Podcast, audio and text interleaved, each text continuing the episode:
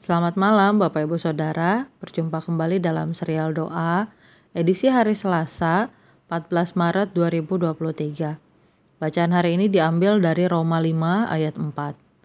Dan ketekunan menimbulkan tahan uji, dan tahan uji menimbulkan pengharapan. Saudaraku yang terkasih, saya baru saja selesai membaca sebuah buku dari Edward Suhadi.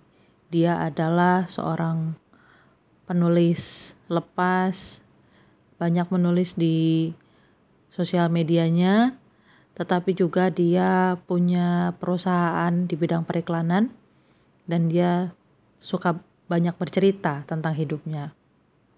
Salah satu cerita yang ia bagikan dalam bukunya adalah soal bagaimana dia berhenti mengatakan hal-hal yang negatif tentang hidupnya selama 20 tahun terakhir karena dia percaya bahwa ketekunan untuk melihat hidup dari cara yang positif mempengaruhi kekuatannya untuk berjuang, menata karir, menjalani hidup, bahkan bertumbuh di dalam setiap tahapan kehidupannya.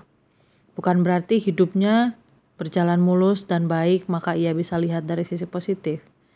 Tapi di setiap kejadian yang ia temukan, ia mau melihatnya dari perspektif belajar sesuatu.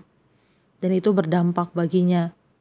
Bahwa nyatanya segala masalah, tantangan yang ia temui membuat dia bisa bertumbuh lebih baik karena dia mau menguji dirinya, tekun untuk tetap berjuang, melihat hal dengan cara yang baik.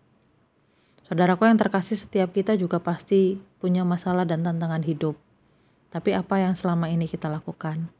Apakah kita tekun melihatnya dari sisi yang baik dan mau bertahan diuji lewat segala lewat segala masalah itu atau justru kita hanya melihat diri kita sebagai korban, melihat diri kita tak berdaya, mengutuki hidup tanpa mau berjuang apa-apa.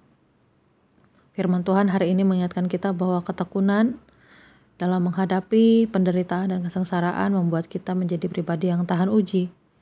Dan saat kita tahan uji, pengharapan terus hidup di dalam diri kita. Kiranya itu jugalah yang kita lakukan. Kita mau belajar tekun menghadapi segala kesengsaraan hidup, tantangan hidup, masalah hidup. Karena kita tahu bahwa Hal itu bisa membawa kekuatan kepada kita, bahkan berbuah baik di dalam segala pengharapan kita. Amin. Mari kita berdoa. Bapak Surgawi, terima kasih untuk hidup yang boleh kami jalani sampai saat ini. Kami tahu bahwa hidup kami penuh dengan tantangan, dan kami mau belajar jadi pribadi yang tekun, melihat dengan cara yang baik, bersama-sama dengan Tuhan. Kami mau belajar untuk bertahan di tengah segala ujian kehidupan dan terus punya pengharapan atas masa depan yang baik. Sertai kami ya Tuhan. Demi Kristus Yesus kami berdoa.